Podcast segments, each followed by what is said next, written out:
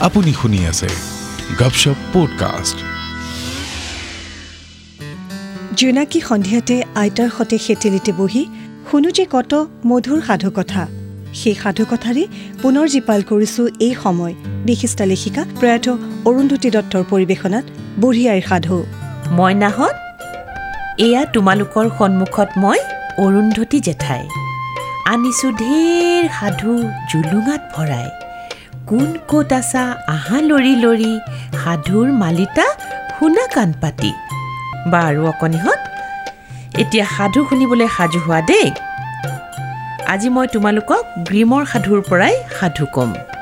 যিসকল অকণিয়ে আজি প্ৰথমবাৰৰ বাবে সাধু শুনিব তেওঁলোকক মই গ্ৰীমৰ সাধুবোৰৰ বিষয়ে দুষাৰমান কৈ লওঁ দেই। গ্ৰীমৰ সাধুবোৰ আচলতে জাৰ্মানীৰ সাধু। এই সাধুবোৰ গ্ৰীম উপাধিৰ দুজন মানুহে সংগ্ৰহ কৰিছিল গাঁৱৰ মানুহৰ মুখৰ পৰা। তেওঁলোকে গাঁৱৰ মানুহৰ মুখে মুখে চলি অহা দুশতকৈও অধিক সাধু লিখি প্ৰকাশ কৰিলে। এই সাধুবোৰৰ পৰা কেইটামান সুন্দৰ সুন্দৰ সাধু অসমীয়া ভাষাত লিখি স্বৰ্গীয় অতুল চন্দ্ৰ হাজৰিকাই তোমালোকলৈ বুলি উপহাৰ দি থৈ গ'ল বুজিছা? ককা অতুল চন্দ্ৰ হাজৰিকা কোন আছিল জানানে? তেওঁ আছিল সাহিত্যিক। কিমান ধৰণৰ যে লেখা তেওঁ লিখিছিল। ডাঙৰ হৈ সেইবোৰ কথা পঢ়ি তোমালোক আচৰিত হৈ যাবা। তেওঁ অসম সাহিত্য সভাৰ সভাপতি আছিল আৰু তেওঁক সাহিত্যাচাৰ্য আৰু পদ্মশ্ৰী বঁটাও দিয়া হৈছিল। গ্ৰীমৰ সাধুৰ সাধুবোৰ যে তেওঁ ইমান সোৱাদ লগাকৈ লিখিছিল আজি বাৰু এইটো সাধুকে শুনাচোন। সাধুটোৰ নাম কাক চৰিত অকণিহঁত কাক মানে হ'ল কাউৰী আৰু চৰিত মানে হ'ল কাহিনী। তাৰমানে কাকচৰিত মানে হ'ল কাউৰীৰ কাহিনী। কাউৰীৰ কাহিনী যদিও ইয়াত কিন্তু মানুহৰ কথাও আছে দেই। আচলতে এই সাধুটোত ৰংমন নামৰ এজন ডেকা ল'ৰা আৰু তেওঁৰ বন্ধু দুজনৰ সৈতে তিনিটা কাউৰীৰনো কি কাণ্ড ঘটিছিল সেই কথাই আছে। বাৰু এতিয়া শুনা দেই। এসময়ত এজন সাউত মানে এজন ডাঙৰ বেপাৰীৰ এটাই ল'ৰা আছিল। তাৰ নাম আছিল ৰংমন। ৰংমনেও পিতাকৰ পৰা বেহা বেপাৰ মানে ব্যৱসায় বাণিজ্য কৰিবলৈ শিকিছিল আৰু দেউতাকৰ মৃত্যুৰ পাছত বেপাৰ কৰিবলৈ দেশ বিদেশৰ নানা ঠাইলৈ গৈ বহুত ধন সোণ টকা পইচা গোটাই আনিলে। ৰংমনৰ দুজন লগৰীয়া আছিল। সিহঁতৰ নাম আছিল লঘুমন আৰু কলিমন। সিহঁত নামতহে ৰংমনৰ লগৰীয়া আছিল বুজিছা? আচল বন্ধু নাছিল। নহ'লেনো ৰংমনৰ টকা পইচা বেছি হোৱা দেখি সিহঁতে হিংসা কৰিব লাগেনে? তোমালোকে জানো নিজৰ বন্ধুৰ ভাল হ'লে বেয়া পোৱা? ভালহে পোৱা? আচলতে কাৰোবাৰ কিবা ভাল হোৱা দেখিলে নিজেও কষ্ট কৰি যত্ন কৰি ভাল হ'বলৈহে চেষ্টা কৰিব লাগে। হিংসা কৰি যে একো কৰিব নোৱাৰি সেই কথাটো তোমালোকে জানাই। কিন্তু কলিমন আৰু লঘুমন তোমালোকৰ নিচিনা ভাল নাছিল। সিহঁত আছিল মহা হিংসাকুৰীয়া। ৰংমনৰ ধন সম্পত্তি দেখি সিহঁত ৰংমনৰ শঠা মিতিৰ হ'ল। শঠা মিতিৰ মানেনো কি? ভালদৰে শুনি লোৱা দেই। শঠা মিতিৰ মানে হ'ল কাৰোবাক ঠগিবৰ কাৰণে এনেয়ে মানে মিছা মিছিকৈ বন্ধু হৈ লোৱা। বুজিছা? সিহঁতি কি কৰিলে জানা? এদিন সিহঁতে অনেক ভালৰি বোলোৱা কথা কৈ ফুচুলাই এফালৈ ফুৰিবলৈ লৈ যাওঁ বুলি ৰংমনক এখন দূৰণিবতীয়া ঠাইলৈ মানে বহুত দূৰলৈ যাবলগীয়া এখন ঠাইলৈ লৈ গ'ল। বাটতে সিহঁতে কাকজান নামেৰে এখন বৰ ডাঙৰ হাবি পালে। অকণিহঁত সিহঁতে কি কৰিলে জানা?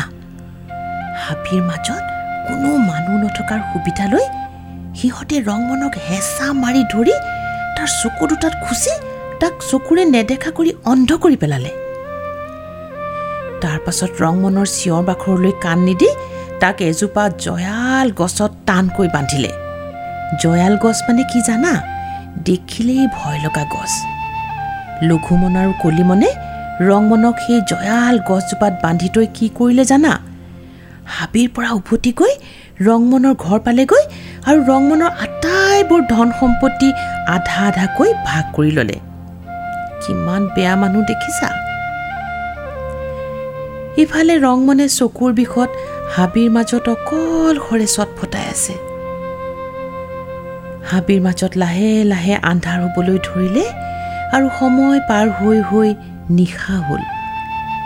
নিশা কিছুপৰ হোৱাৰ পাছত সেই জয়াল গছজোপালৈ তিনিজনী কাউৰী আহিল। সিহঁত সেইজোপা গছতে থাকে।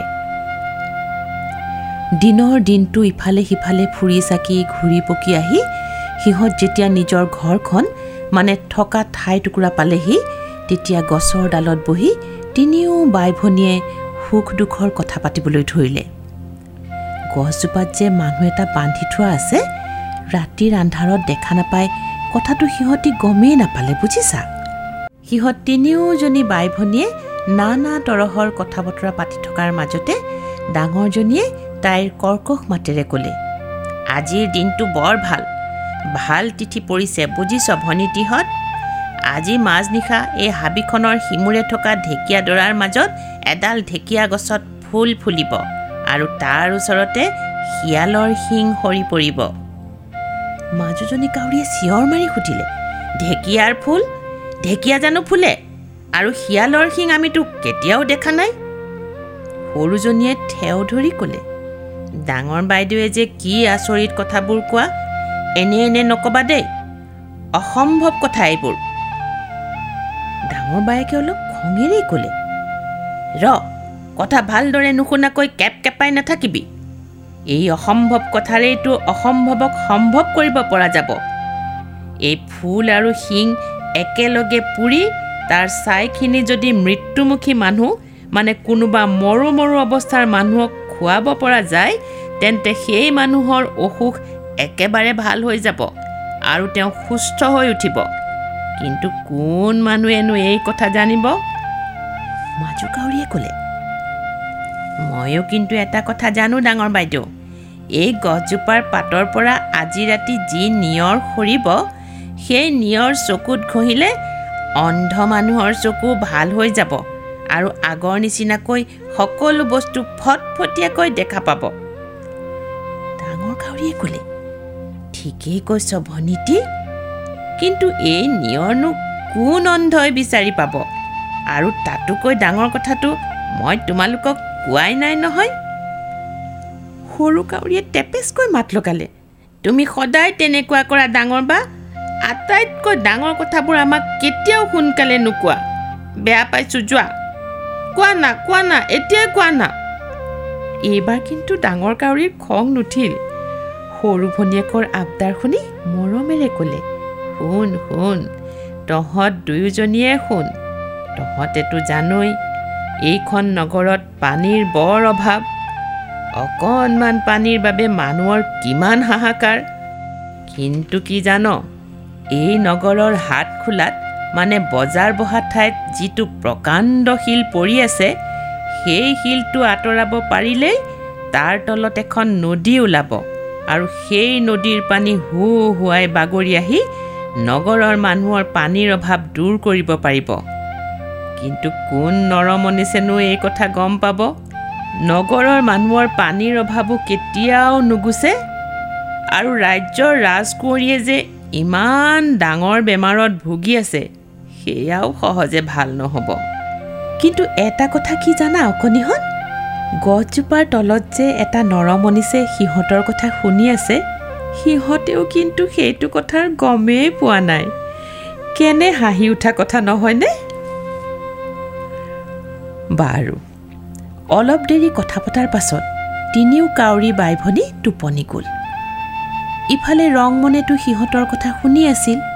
সি প্ৰাণপণে মানে খুব বেছিকৈ চেষ্টা কৰি কামুৰি কামুৰি গাত বান্ধি থোৱা ৰছীবোৰ ছিঙিলে।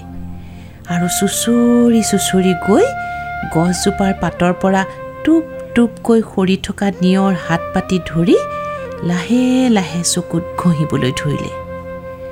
আচৰিত কথা! সঁচাকৈয়ে কাউৰীজনীয়ে কোৱাৰ দৰেই ৰংমনৰ চকু দুটা ভাল হৈ গ'ল আৰু সি আগৰ দৰে চকুৰে দেখা পোৱা হ'ল। এইবাৰ সি কাউৰীয়ে কোৱা মতে হাবিখনৰ সিমূৰলৈ ঢেকীয়াৰ ফুল আৰু শিয়ালৰ শিং বিচাৰি গ'ল। সেইদিনা ৰাতি ইমান ধুনীয়া উজ্জ্বল জোনাকে হাবিখন পোহৰাই ৰাখিছিল যে সি জোনৰ পোহৰত অতি সহজে বস্তু দুটা বিচাৰি পালে। ৰাতিপুৱাৰ লগে লগে ৰংমন হাবিৰ পৰা ওলাল। এখোজ দুখোজকৈ সি ৰাজধানীৰ ফালে যাবলৈ ধৰিলে। বাটতে সি মানুহে কোৱা শুনিলে যে সেই দেশৰ ৰাজকুঁৱৰী ধনশিৰিৰ হেনো বৰ ডাঙৰ অসুখ হৈছে আৰু তেওঁৰ হেনো মৰো মৰো অৱস্থা। ইফালে হেনো ৰজাই ৰাজ্যত ঢোল পিটি শুনাই দিছে যে যেয়েই ৰাজকুঁৱৰীৰ অসুখ ভাল কৰিব পাৰিব তেওঁলোকে ৰাজকুঁৱৰীক বিয়া দিব। অখনিহঁত ৰংমনে বুকুত হাঁহ বান্ধি ৰাজকাৰেঙলৈ যাত্ৰা কৰিলে। সি তালৈ গৈ ৰজাক সেৱা এটা কৰি ৰাজকন্যাৰ চিকিৎসাৰ দায়িত্ব ল'লে। সঁচাকৈ জানা অকণিহঁত? কাউৰীয়ে কোৱাৰ দৰে ঢেকীয়া ফুল আৰু শিয়ালৰ শিং পুৰি খুৱাই দিয়াৰ লগে লগে ৰাজকুঁৱৰীৰ অসুখ বহুত ভাল হৈ গ'ল আৰু কিছুদিনৰ পাছত একেবাৰেই ভাল হৈ গ'ল। কিন্তু ৰজাই হ'লে আগৰ কথামতে এজন অচিনাকি ল'ৰালৈ জীয়েকক বিয়া দিবলৈ টান পালে। তেওঁ ৰংমনক ক'লে মোৰ ৰাজধানীত পানীৰ বৰ আকাল হৈছে। বিল খাল নাদ পুখুৰী সকলোবোৰ শুকাই তলি ওলাইছেগৈ। পানীৰ কাৰণে ৰাজ্যখনৰ মানুহবোৰৰ বৰ কষ্ট হৈছে। তুমি কেনেকৈ পাৰা পানীৰ দিহা কৰা? তুমি যদি নগৰখনৰ পানীৰ অভাৱ দূৰ কৰিব পাৰা তেতিয়াহে মই তোমালৈ মোৰ ছোৱালীক বিয়া দিম। ৰংমনে হাঁহি এটা মাৰি ক'লে মহাৰাজ মই পানীৰ যোগাৰ কৰিম। আপুনি মাত্ৰ আপোনাৰ দঁতাল হাতীটো অলপ সময়ৰ বাবে মোক দিয়ক। অকণিহঁত ৰংমনে কি কৰিলে জানা? কাউৰীয়ে কোৱা ঠাইটুকুৰা মানে বজাৰলৈ গৈ তাত থকা প্ৰকাণ্ড শিলটো হাতীটোৰ হতুৱাই আঁতৰাই দিলে। সঁচাকৈ জানা তাৰ তলত এখন নদী ওলাল। আৰু সেই নদীৰ পানীৰে নগৰখনৰ মানুহৰ পানীৰ আকাল গুচিল ৰজায়ো মনত বৰ আনন্দ পালে আৰু ৰংমনৰ সৈতে ৰাজকন্যাৰ বিয়া পাতি দিয়াৰ লগতে দুয়োকে আধা ৰাজ্য দান কৰিলে। ইফালে ৰংমনৰ সৌভাগ্যৰ কথা লঘুমন আৰু কলিমনে শুনিলে। সেই দুষ্ট মানুহ দুটা আকৌ ৰংমনৰ ওচৰলৈ আহিল। সিহঁতে নিজৰ ভুল স্বীকাৰ কৰি ৰংমনৰ আগত কাকুতি মিনতি কৰি ক্ষমা খুজিবলৈ ধৰিলে। ৰংমনৰ অন্তৰখন বৰ কোমল মনটো তেনেই সৰল। সি সিহঁতক ক্ষমা কৰি দিলে। সিহঁতে তেতিয়া ৰংমনক কুহুলিয়াই কুহুলিয়াই সুধি তাৰমানে পেৰি পেৰি লাহে লাহে কথা পাতি পাতি গোটেইখিনি কথা ৰংমনৰ পেটৰ পৰা উলিয়াই ল'লে। সিহঁতি ভাবিলে ৰংমনৰ যদি ইমান সুখ হৈছে আমিনো চেষ্টা নকৰোঁ কিয়? অকণিহঁত এই বুলি ভাবি সিহঁত সেই হাবিখনলৈ গৈ জয়াল গছজোপাৰ তলত মনে মনে লুকাই থাকিলগৈ। কাউৰীকেইটাও আনদিনাৰ দৰে ৰাতি আহি গছৰ ডালত বহিলহি। এজনী কাউৰীয়ে ক'লে শুনিছানে ডাঙৰ বা?